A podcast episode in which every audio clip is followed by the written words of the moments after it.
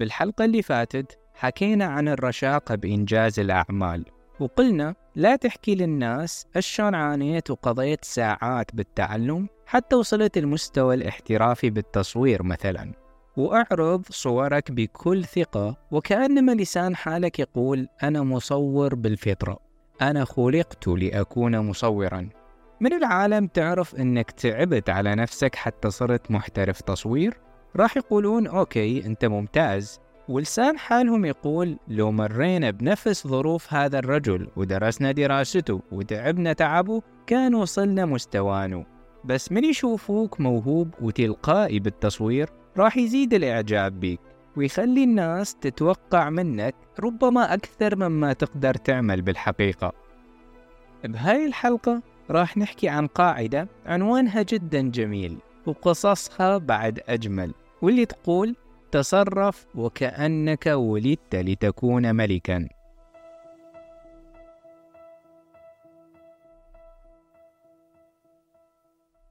السلام عليكم. مونكاست هو بودكاست أسبوعي.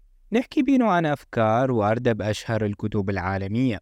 وحسب تجربة الأصدقاء فأفضل وقت تسمع مونكاست هو بالسيارة أو قبل النوم أو بصالات الانتظار. هو مناسب للاستماع بالأوقات المهدرة خلال اليوم. وإذا كنت تسمعنا عبر منصات البودكاست فيسعدني تشترك بقناتنا على اليوتيوب لين هنوك أقدر أقرأ تشجيعك أو تعليقك.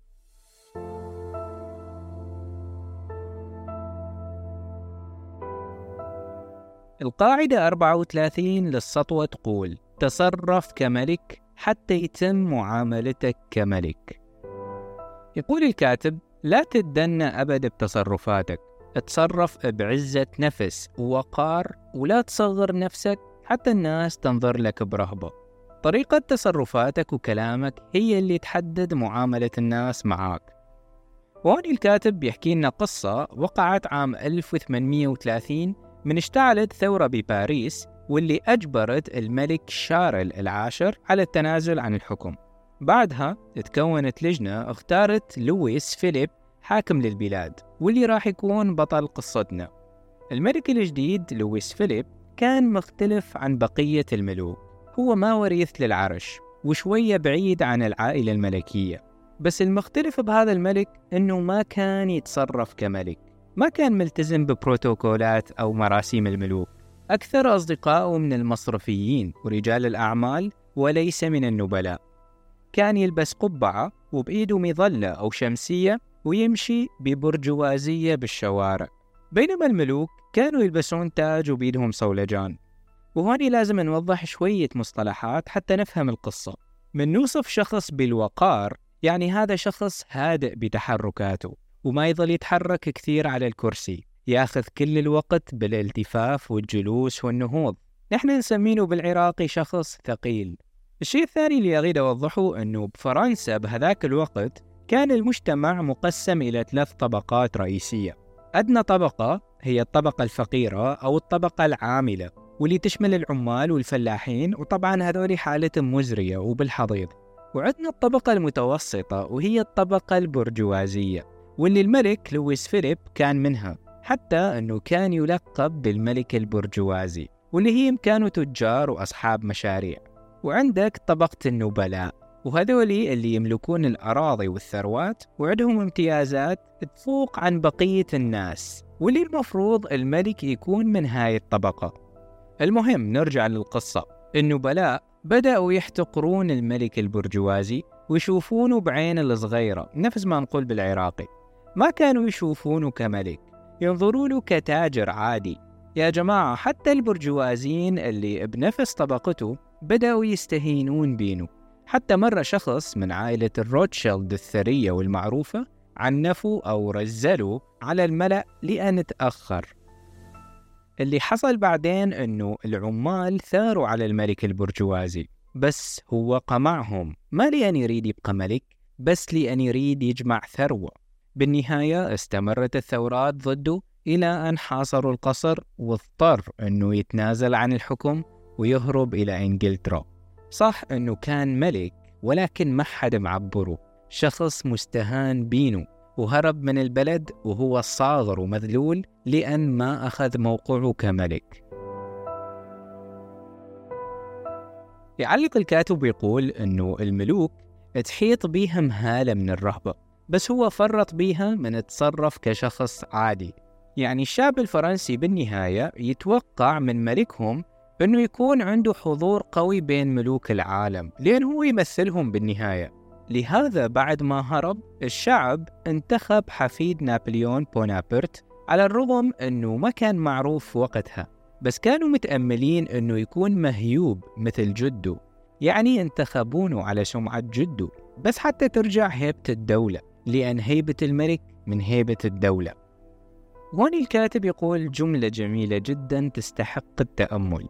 يقول أنه القائد أو الملك أو المهندس بموقعه أو الطبيب بالمستشفى أو أيا كان شغلك من يكون ودود زيادة عن اللزوم ويحاول يمحي الفوارق بينه وبين الناس اللي أقل من عنده فراح يفقد مخافة الناس ويكسب استهانتهم بينه. ما أتوقع أكو ملك أو رئيس وزراء يسمع مونكاست بس أكيد أكو موظفين. ويا جماعة بالمجتمع الوظيفي أكو طبقات. أكو الأعلى من عندك وأكو الأقل نحن حكينا بأول قاعدة عشان تتعامل مع الأعلى منك. إنه ما لازم تتألق علينه حتى لا تهدد منصبه. بس لازم تأخذ موقعك مع الأقل منك حتى تنال الطاعة. الميانة الزايدة بالشغل والضحك مع أتباعك راح يعتبروك مثلهم وبالتالي ممكن حتى ما يطيعون توجيهاتك. لأن ببساطة ما عاد يخافون غضبك. أنت صرت منهم وبيهم صرت واحد منهم. وطبعا أنا هوني ما أدعو للطبقية وأنه تحتقر اللي أقل منك بس بلا ما نجمل الكلام وتقلي أنه نحن سواسية وكليتنا أولاد تسعة ومن هذا الكلام الفارغ لأن الحقيقة يا جماعة شئنا أو أبينا حكينا بيها بالعلن أو أخفيناها. كليتنا نعرف أنه المجتمع طبقات. كذب اللي يقول أنه الطبيب أو المهندس مثل المتسول؟ حتى بين الطبيب والمهندس أكو فوارق بنظرة الناس. وحتى نشوف هاي الفوارق بين أقسام الهندسة نفسها. يقول لك أنا مهندس معماري وزوها حديد وبالك عني أو مهندس نفط والعالم تتخيل كم الفلوس اللي عنده بينما أنت مهندس ميكانيك أو كهرباء. هذا الشيء موجود بالمجتمع. والحقيقة أنه نحن سواسية فقط عند رب العالمين. بينما نحن نعامل بعضنا بطبقية وأتمنى الكلام ما ينفهم بطريقة غلط. بس كل اللي أريده يصلك من الحكي اللي حكيناه ومن قصة لويس فيليب الملك البرجوازي أنه العالم ما أخذته بجدية لأن ببساطة هو ما أخذ دوره وتصرف كملك ينتمي لطبقة النبلاء. وإنما نزل نفسه لطبقة البرجوازية وهذا الشيء اللي خلى الشعب يستهين بينه ويطرده من الحكم.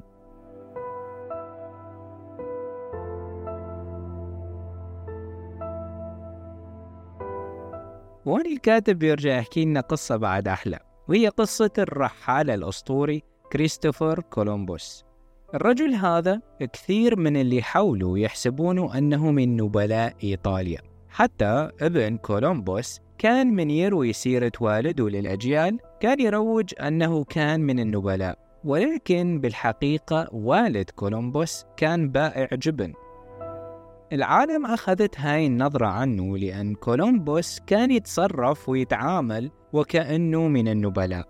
رسم صورته عند الناس أنه من النبلاء وعليه قدر يتزوج بنت قريبة من العائلة الملكية بالبرتغال. المهم واسمعوا الكلام الحلو. الرجل هذا قدر يقابل العائلة الملكية البرتغالية وطلب من عندهم تمويل لرحلته باتجاه الغرب. حتى بلكت قدر يكتشف طريق مختصر يودي لقارة آسيا. وطلب من عندهم أنه يكون القائد الأعلى لهاي الأساطير الاستكشافية. وطلب أنه ينوب عن الملك بحكم هاي الأراضي المكتشفة. وأخيرا طلب حصة قدرها 10% من التجارة مع هاي الأراضي. إذا سريعا طلب أربع أشياء من العائلة الملكية. تمويل للرحلة وأنه يكون قائد الرحلة ويحكم الأراضي المكتشفة وياخذ نسبة 10% من التجارة مع هاي الأراضي. يقول الكاتب أنه كولومبوس أصلا ما كانت عنده المؤهلات ولا الخبرة اللي تمكنه من إنجاز هاي الرحلة ولا عنده قدرة قيادة الطاقم لأن هو بالأصل كان تاجر يشتغل على سفينة تجارية. والأدهى أنه ما ذكر للملك التفاصيل اللي تمكنه من نجاح هاي الرحلة. اللي حصل أنه الملك ابتسم ورفض طلبه بلطف وترك مساحة للتفكير بالمستقبل. يعني ما أنهى المسألة تماما معانه وبهاي اللحظة كولومبوس أدرك شيء جدا مهم. صح أنه الملك رده بأدب بس أعجب كثير بجراءة مطالبه. الملك اعتقد أنه مطالبه مشروعة شاب ومن حقه يحلم بالطيران. انبهر بالثقة اللي يملكها هذا الرجل. من شاف هاي الجرأة والثقة بالنفس قال إما هذا مجنون أو فعلا يستحق الأشياء اللي عيطلبها وحسب ما شاف أنه ماكو على هذا الرجل أي علامات تدل على الجنون. وهوني كولومبوس أدرك أنه اللي طالب بالقمر ينال الاحترام. بعد فترة انتقل إلى إسبانيا وبفضل معارفه قدر يصل للبلاط الملكي وحصل على إعانات من ممولين كبار. حلمه بالرحلة الاستكشافية للغرب ظلت بباله وكان يطالب دائما بتمويل وقسم من الكبار كان يريدون يساعدونه بس ما عندهم الفلوس الكافية حتى تغطي المطالب الإعجازية لهاي الرحلة. وخاصة أنه كولومبوس ما كان يقبل يتنازل عن أي من هاي المطالب.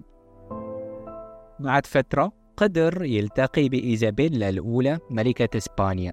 وإذا تلاحظون يا جماعة شلون يلتقي الملوك بسهولة. ما قدر يقنعها بالتمويل ولكن قدر ينال احترامها وإعجابها حتى أنه كان يزورها كل فترة.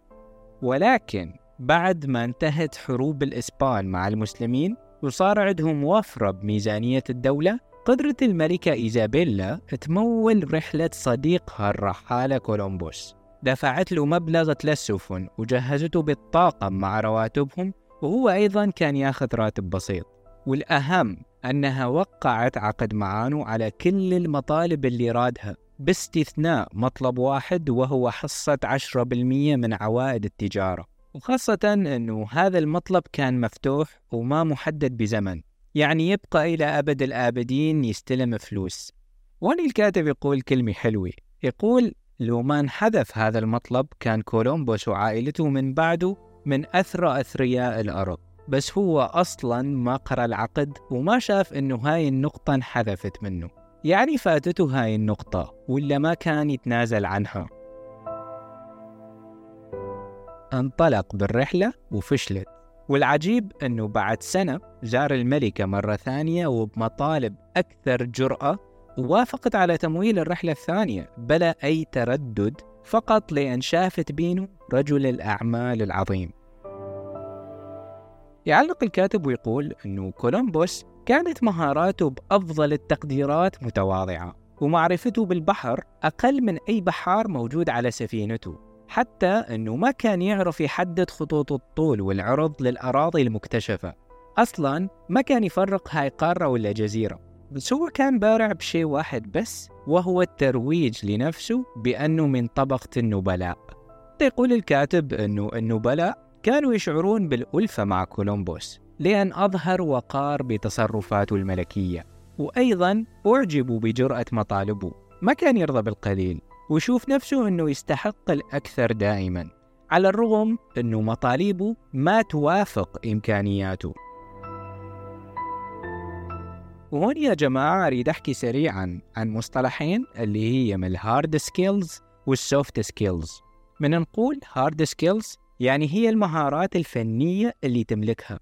مثلا الأدوات اللي تستخدمها بالتصميم أو البرامج اللي تستخدمها بالبرمجة والكاميرات أو مهارتك بالتصوير. كولومبوس كان ضعيف بالمهارات الفنية المتعلقة بالإبحار وهذا الشيء ما يعيبه أو ينقص منه. عادي جدا يعني ممكن يتعلمها بعدين. كان ضعيف بال hard skills ولكن كانت نقطة قوة هذا الرجل ال soft skills واللي هي مهارات التعامل مع الناس. المهارات اللي يحتاج لها ذكاء اجتماعي.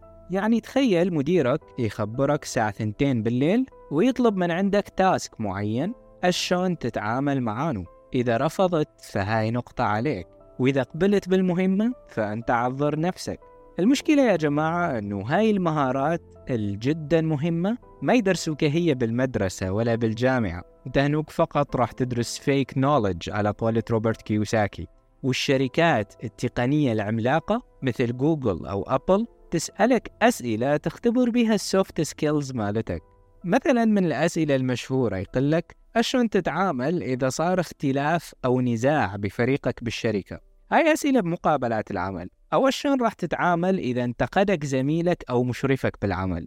وأحيانا يناقشون جوابك وغالبا هاي الأسئلة تكون سبب رفضك بالمقابلة. ومن الكتب الرهيبة اللي تعلمك هاي المهارات هو كتاب كيف تؤثر على الآخرين وتكتسب الأصدقاء لديل كارنيجي اللي إن شاء الله بالمستقبل نحكي عنه. كولومبوس يا جماعة ما يعرف أشنو soft skills لأن هاي المصطلحات حديثة ولكن هو كان ممتاز جدا بها. وهون يا جماعة أريد أحكي عن شوية تصرفات يعملوها الملوك. وأريد تتخيلون معي رئيس الولايات المتحدة الأمريكية باراك أوباما كمثال. أنا ما لي علاقة بسياسته أنا أحكي عن الشخصية. إذا تلاحظون أنه دائما النبلاء أو الملوك مظهرهم أنيق. تعلم تلبس صح. تعلم تلبس بدلة. راح تفتح لك أبواب وفرص عمرها ما انفتحت لك من قبل. جرب ثلاث شهور متواصلة ما تطلع من البيت إلا وإنت لابس بدلة. حتى لو مشاوير قصيرة حتى لو بدك تروح على السوبر ماركت وراح تشوف الفرق. ممكن تحسوها مبالغة أنه تلبس بدلة أو قاط وتروح للسوبر ماركت بس الفكرة أنه ما تعرف منو ممكن تلتقي هنوك تخيل أنك جالس بمجلس مع ناس ودخل عليكم شخص نسميه بالعراقي مبهدل يعني ملابسه وسخة وما مشط شعره ولا غاسل وجهه. غالبا ما راح تعبره وتكمل كلامك مع الجالسين. نفس الشخص إذا دخل وكان متأنق ممكن تقوم من مجلسك وتسلم علينه وإنت ما تعرفه ولا تعرف أش يشتغل. الانطباع الأول يا جماعة عن أي شخص واللي غالبا يدوم يجي من شغلتين المظهر والكلام. وعلى طاري الكلام باراك أوباما والنبلاء والملوك كلامهم دايما يكون هادئ ومسموع وبينه نبرة قوة. لا تحكي بسرعة وأبد لا تحكي بصوت ناصي وبينه تذلل. وأيضا وحدة من الأشياء اللي يملكوها النبلاء واللي حكاها جوردن بيترسون. وصراحة هذا الكلام اللي قاله ما كنت أفهمه. إلى أن بعدين يلا شفتوا مقطع ثاني يوضح بينه ليش قالوا. من يقول لازم تكون وحش لازم تملك القدرة على إيذاء شخص إذا تطلب الأمر. ويبرر هذا الكلام ويقول أنه الناس اللي تتعلم الفنون القتالية تعرف هذا الشيء. عندهم القوة لصد أي شخص وإيقاف أي شخص عند حده وبنفس الوقت يتعلمون يتحكمون بهاي القوة. هذا الشيء أفضل مما تكون مسكين وكيوت وتمشي جوا الحائط. وبالمناسبة صفة المسكين هي صفة زبالة. طول عمري كنت أحسبها صفة جيدة. لا تسمح لشخص يصفك بيها. مسكين هي كلمة مجملة لكلمة ضعيف ما يأذي أحد. وبهاي الحالة أنت بالشرق والسطوة بالغرب. المسكين هو الشخص اللي من يقعد بالمجلس ما حد يسمع كلامه ولا يعبر زعله. الفكرة من الكلام اللي قاله جوردن بيترسون أنه لازم تكون خطير وتسيطر على خطرك بحيث ما تأذي أحد إلا إذا تطلب الأمر أفضل بكثير من أنه تكون مسكين ولطيف وغير مؤذي صراحة النقطة هاي أخذت مني مدة طويلة حتى اقتنعت بيها بالكامل وممكن ما راح تقتنع بيها هسه بس هو هذا الصح فعلا Why dangerous? Because it's the alternative to being weak. And weak is not good. There's a statement in the New Testament. It means something more like Those who have swords and know how to use them but keep them sheathed will inherit the world. You have to be powerful and formidable and then peaceful in that order. Right? By dangerous, that implies I should be ready to threaten someone, to hurt somebody. No, you should be capable of it, but that doesn't mean you should use it.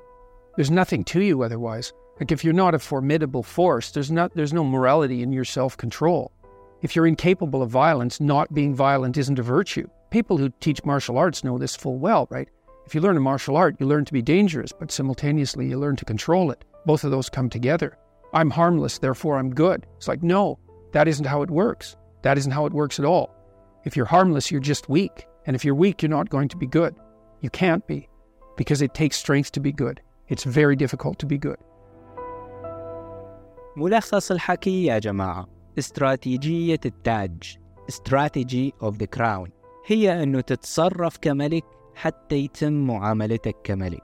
بين للناس أنك تستحق أنه تكون ملك وكأنك ولدت لتكون ملكا. وتذكر أنه أنت تحدد الطريقة اللي عاملوك بها الناس من خلال تصرفاتك. من الطالب بشيء لا تطالب بالقليل لأن ما راح تحصل على أكثر منه. طالب بالكثير وبكل وقار حتى لو انرديت فراح تكسب الاحترام اللي بعدين يفتح لك غير أبواب مثل ما حصل مع كريستوفر كولومبوس. واستخدم استراتيجية كولومبوس بأن تطلب بجرأة وسعر عالي لمهاراتك. وأيضا كولومبوس كان يطلب بكل وقار أنه يقابل أعلى شخص بالمؤسسة وهو الملك. لا تحكي وعيونك بالأرض ولا تجلس منحني على الكرسي وتحكي وصوتك يرجف أو بينه نبرة شفقة لأن تصغر من نفسك. ولا تتوسل وانت تطلب حقك ودائما تصرف بكرامة. ونختم هاي القاعدة من يقول روبرت جرين أنه النبي داود عليه السلام اختار مواجهة جالوت ويعلق عليها ويقول مواجهة شخص قوي يظهرك أنت أيضا كشخص قوي. وعلى نفس السياق مخاطبة مديرك أو مسؤولك بجرأة وبدون تذلل ولا قلة أدب يظهر علامات السطوة والتمكن عليك عند باقي الموظفين وعند المدير نفسه. إن شاء الله تكون الفكرة وصلت بطريقة صحيحة وسهلة. هذا كان كل شيء لهاي الحلقة. يسعدني أقرأ تعليقاتكم وآراءكم وفعلوا زر الجرس حتى تسمعون وتستمتعون بالجزء ال11 من كتاب قواعد السطوة لروبرت جرين قريباً.